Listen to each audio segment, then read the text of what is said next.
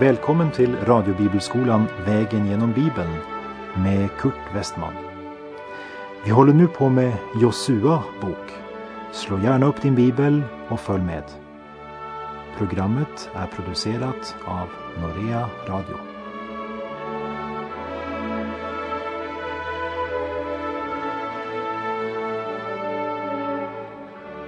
Vi har nu kommit till kapitel 20 i Josua bok och kapitel 20 och 21 talar om fristäderna.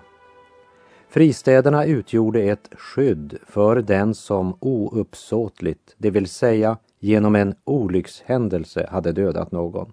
Och vi läser vers 1 till 3. Och Herren talade till Josua och sade Tala till Israels barn och säg, utse åt er de fristäder om vilka jag har talat till er genom Mose, de städer till vilka en dråpare som ouppsåtligt, utan vett och vilja, har dödat någon må kunna fly. Och ni skall ha dem som tillflyktsorter undan blodshämnaren. För att förhindra förhastade hämndaktioner så upprättades de här fristäderna. Men det var inte vem som helst som kunde söka tillflykt där, utan endast den som ouppsåtligt hade dödat någon. Hade det skett så kunde man fly till en av fristäderna, men först efter att stadens äldste hade undersökt saken, som vi minns ifrån det vi läste i femte Mosebok 19. Nu hade ju Rubens stam, Gads stam och ena hälften av Manasses stam visat ringaktan för det land som Gud givit Israels barn. Och som vi läste i fjärde Mosebok 32.5 så sa de, låt oss slippa dra över Jordan. Gud hade sagt, jag vill ge er ett land som flyter av mjölk och honung. Men dessa två och en halv stam, de sa, låt oss slippa. Men deras trolöshet kan inte hindra Guds trofasthet. Trots att dessa två och en halv av stammarna stannade på fel sida av Jordan så gav Gud order om fristäder också där. Men här är det viktigt att lägga märke till att fristäderna på östra sidan Jordan gavs av Mose, medan fristäderna i Kanans land givs genom Josua. Rubens stam, Gads stam och halva Manasse fick sina fristäder av honom som inte kunde leda sitt folk in i löftenas land och som själv aldrig ens fick sätta sin fot där. Vad var det som fick dessa två stammar plus halva Manasse att nöja sig med att få sin fasta boplats på fel sida Jordan? Ja, det som hindrade dem i att älska kanan och att vilja gå över Jordan in i kanan, det var materialismen. Det var deras stora boskapsjordar som fyllde deras hjärta och tanke. I fjärde Mosebok 32 så står det att Rubens barn och Gads barn hade mycket stora och talrika boskapsjordar. Och när de såg Jaesers land och Gileads land fann de att det var en bra trakt för boskap. Och så ber de Mose om att de ska få detta land. Här vill man nog föröka sina ägodelar. Här vill vi bo. Så här vill vi leva. Låt oss slippa gå över Jordan. Jordan var den gräns Gud hade satt, men Rubens, Gads och halva Manasses stam vill flytta den gränsen. Man vill inte följa Josua, för det var inte säkert att man då finner lika bra betesmark för sina jättestora boskapsjordar. Men när människan bryter en gräns har det visat sig att det är svårt att sätta en ny gräns. Och så blev det också för dessa som valde att leva på fel sida av Jordanfloden. I femte Mosebok 14 läste vi om hur Gud gav förordningar angående rena och orena djur. Och där nämndes bland annat svinet som något som var orent. Därför är det värt att lägga märke till i början av Markus kapitel 5 att Jesus kom över till trakten av Gerasa. Gerasenerna, det var invånarna i Gerasa och det är det land som blev givet av Mose till Gads stam så att de skulle slippa gå över Jordan. Gad valde fel sida av Jordan. Och Markus kapitel 5 visar att de hamnat i svinbranschen. Fastän svin var bland Israels folk räknat som orent efter de föreskrifter de hade i Mose lag. Men vi ser att den som först tar ett steg bort från Gud fortsätter så lätt längre och längre bort. När en gräns blir bruten, var ska man då dra en ny gräns? Och det kommer vi att möta igen när vi kommer till Josua kapitel 22. Innan vi vandrar vidare till Josua 22 ska vi bara nämna två detaljer från Josua kapitel 21. Det första är att efter att Israels stammar har fått sina arvslotter tilldelade så ger de av vad de hade fått av sina arvslotter åt leviterna det de behövde. Och vi läser Josua 21, vers 1-3.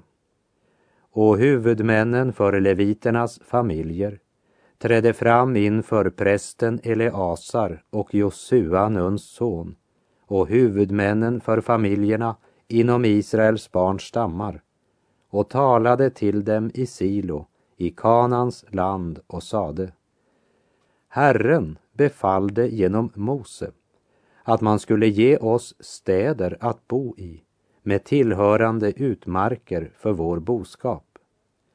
Så gav då Israels barn efter Herrens befallning av sina arvslotter åt leviterna följande städer med tillhörande utmarker. Levi stam hade alltså inte fått någon arvedel bland Israels barn.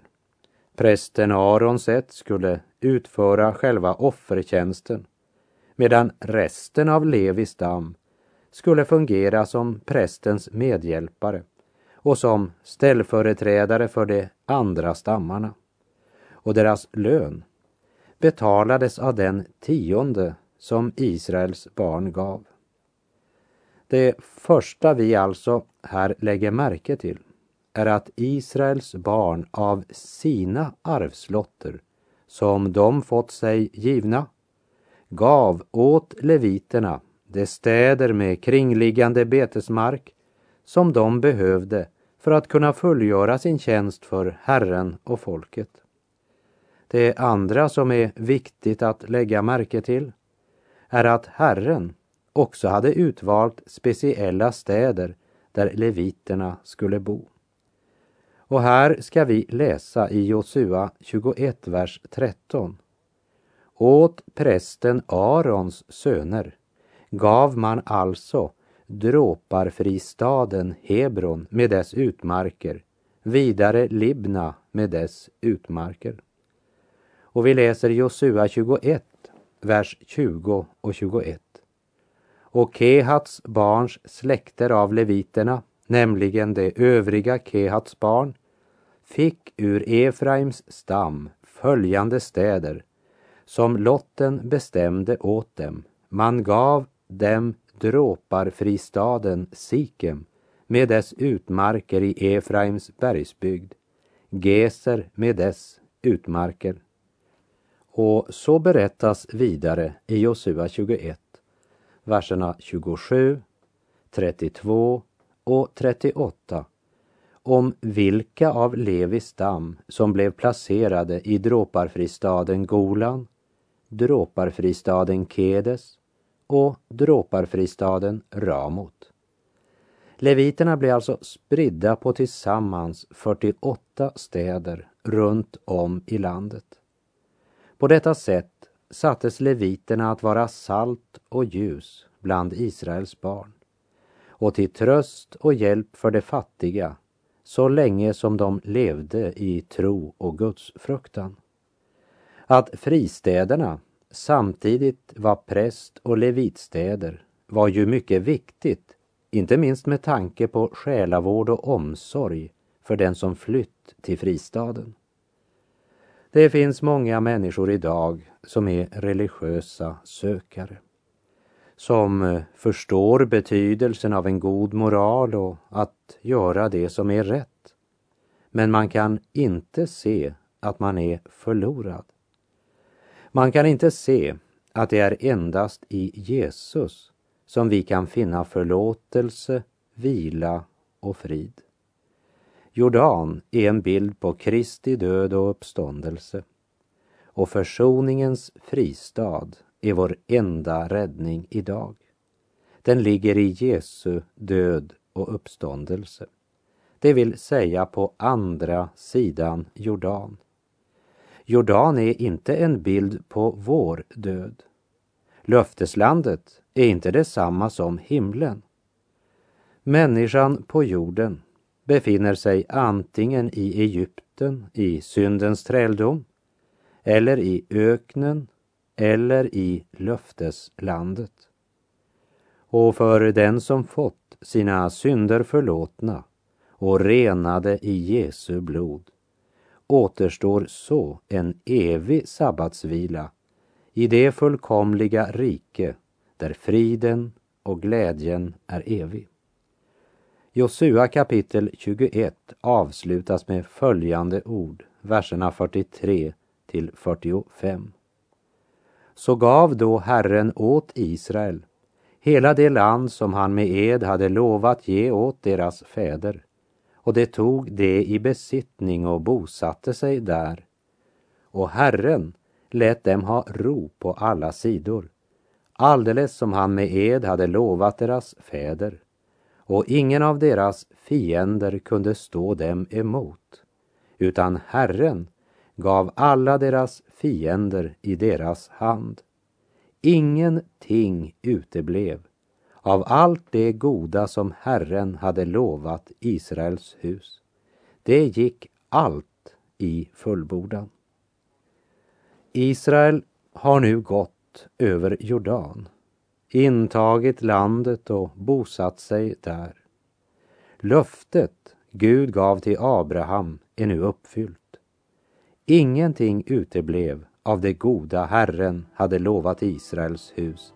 Det gick allt i fullbordan.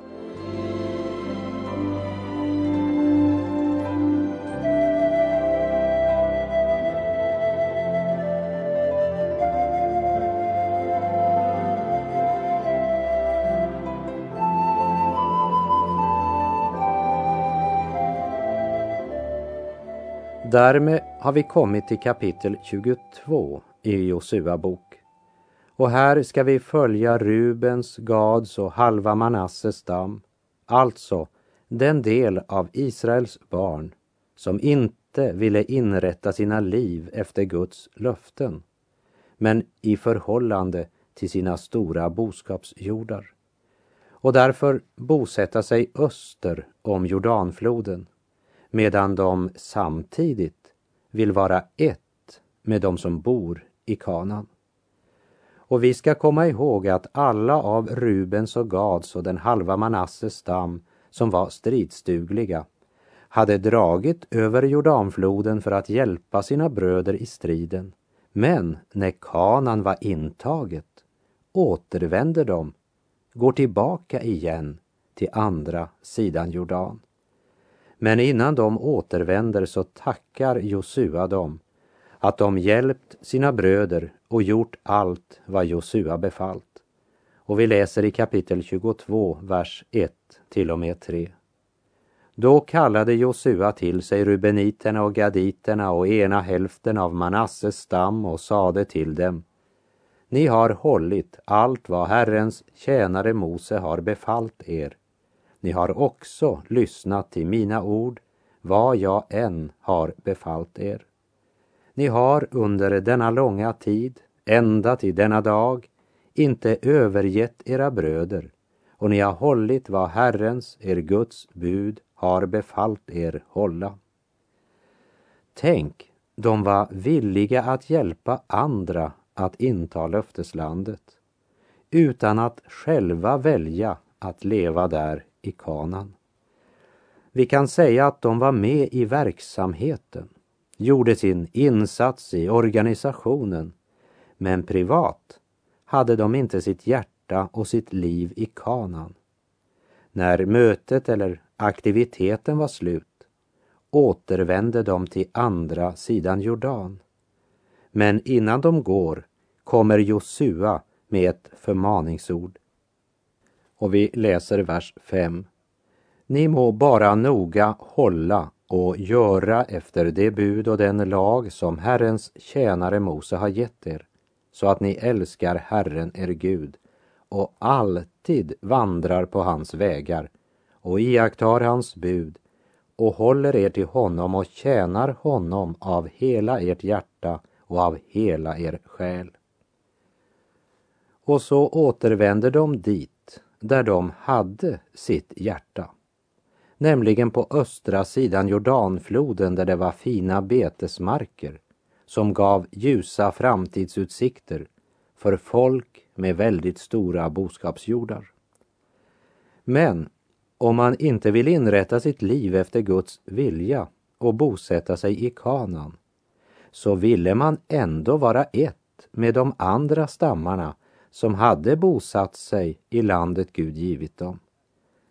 När man närmar sig Jordanfloden sticker det nog en aning i samvetet, för man anar att det är ett steg tillbaka man nu ska ta. Och den som inte vill göra det Gud bett dem göra, de gör som regel istället något som Gud inte bett dem göra. Bara hör. Josua 22.10.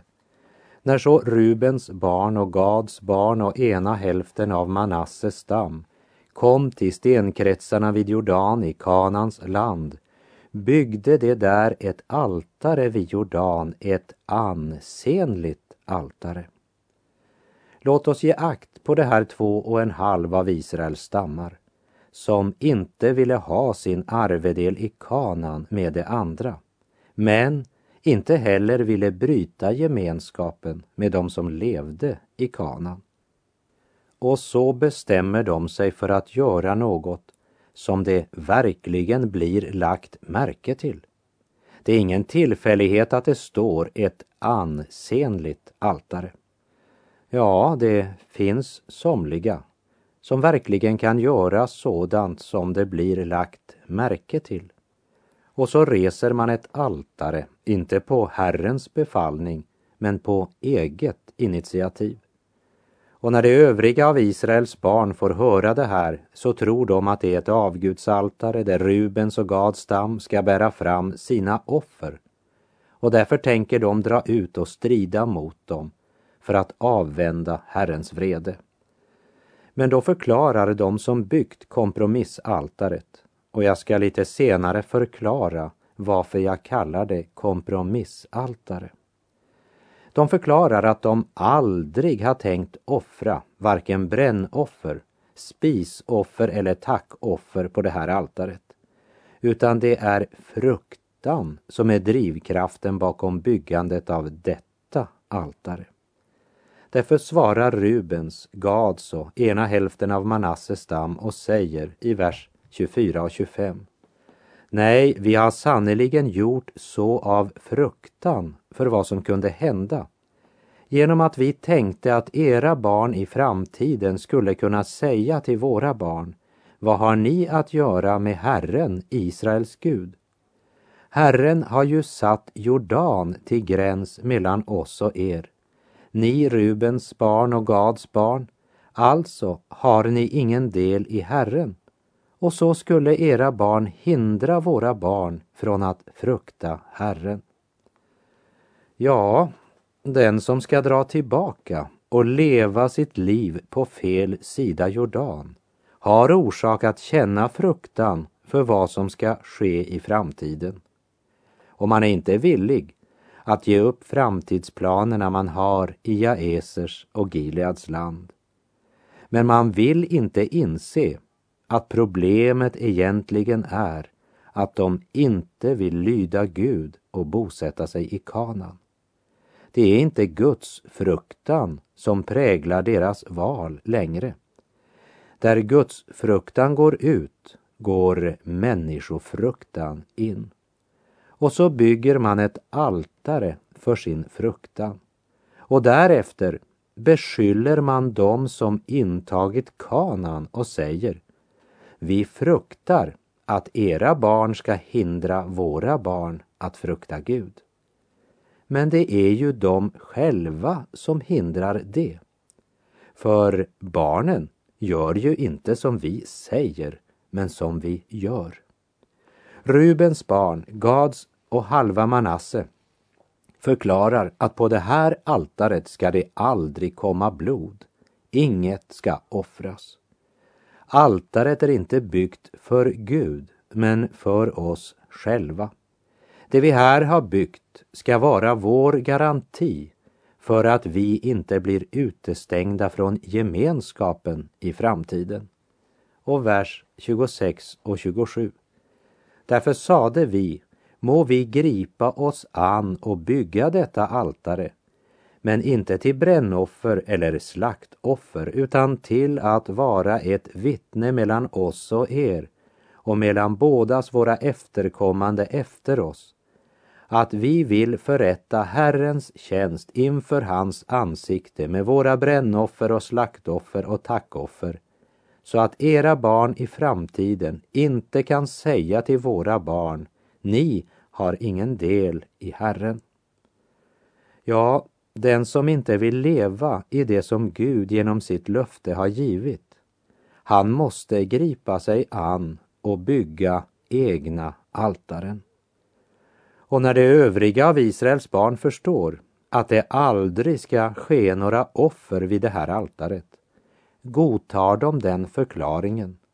Och därmed tänkte de inte mer på att dra upp till strid mot dem för att fördärva det land där Rubens barn och Gads barn bodde. Och vers 34. Och Rubens barn och Gads barn gav namn åt altaret. Det sade, ett vittne är det mellan oss att Herren är Gud.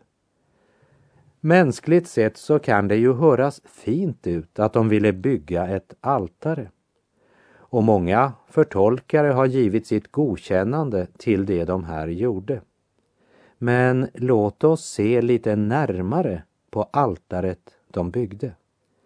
I tabernaklet stod kopparaltaret där offren skedde och det skulle inte vara något annat. Och i femte Mosebok 12.27 läste vi och av dina brännoffer ska du offra både köttet och blodet på Herrens, din Guds, altare. Av dina slaktoffer däremot ska väl blodet hällas ut på Herrens, din Guds, altare, men köttet må du äta. Israels barn hade fått order om att bryta ned alla andra altaren. I Andra Mosebok 34.13 stod det Istället ska ni bryta ned deras altaren och slå sönder deras stoder och hugga ned deras aseror. Och från den här regeln skulle det göras ett enda undantag som det berättas om i femte Mosebok 27 där Israels barn får order om att ta tolv stenar ur Jordanfloden och sätta upp som ett minnesmärke. Men Rubens stam, Gads stam och ena hälften av Manasse gick aldrig över Jordan. Och Jordanfloden skilde dem från deras bröder.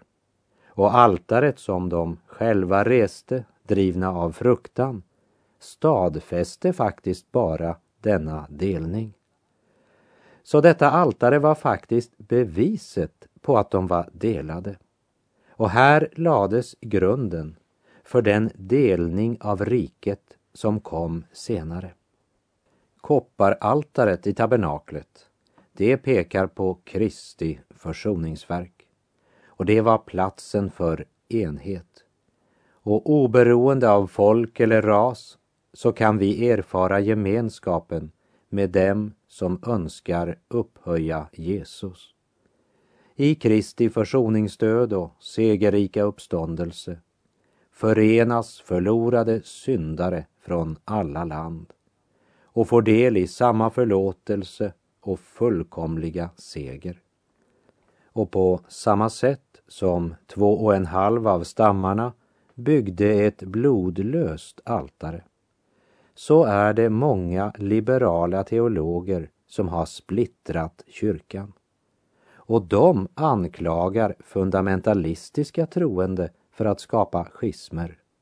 Men det är liberalismen som har gått bort från korset och Kristi gudomlighet i lära och liv.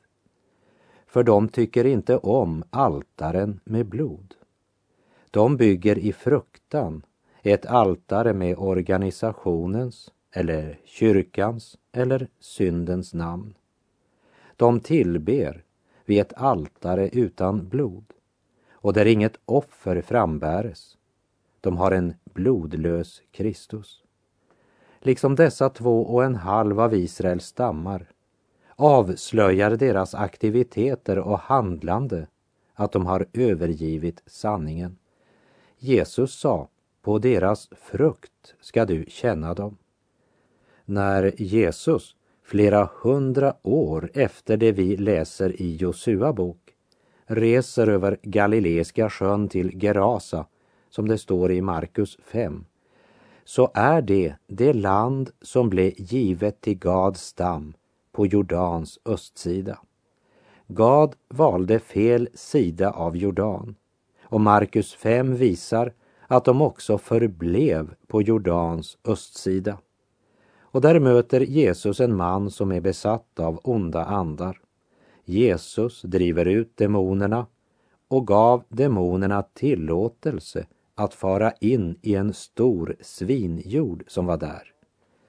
Så Gads efterkommande sysslade med svinavel, fastän svin efter Guds lag var orena djur.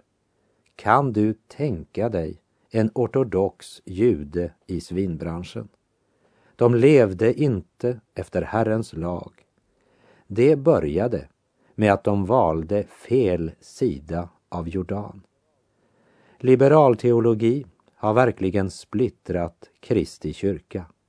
Det har rest ett ansenligt, imponerande altare med en blodlös och andefattig teologi som inte kan frälsa och förvandla förlorade syndare. Och när man inte kan befria fången så försöker man att välsigna fängelset, det vill säga man ursäktar synden.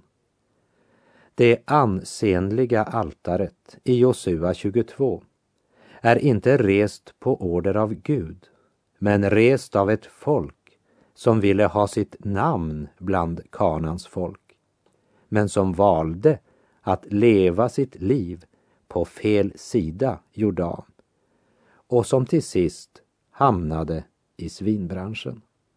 Kära vän, stå upp i tro och gå över Jordan. Herren vare med dig.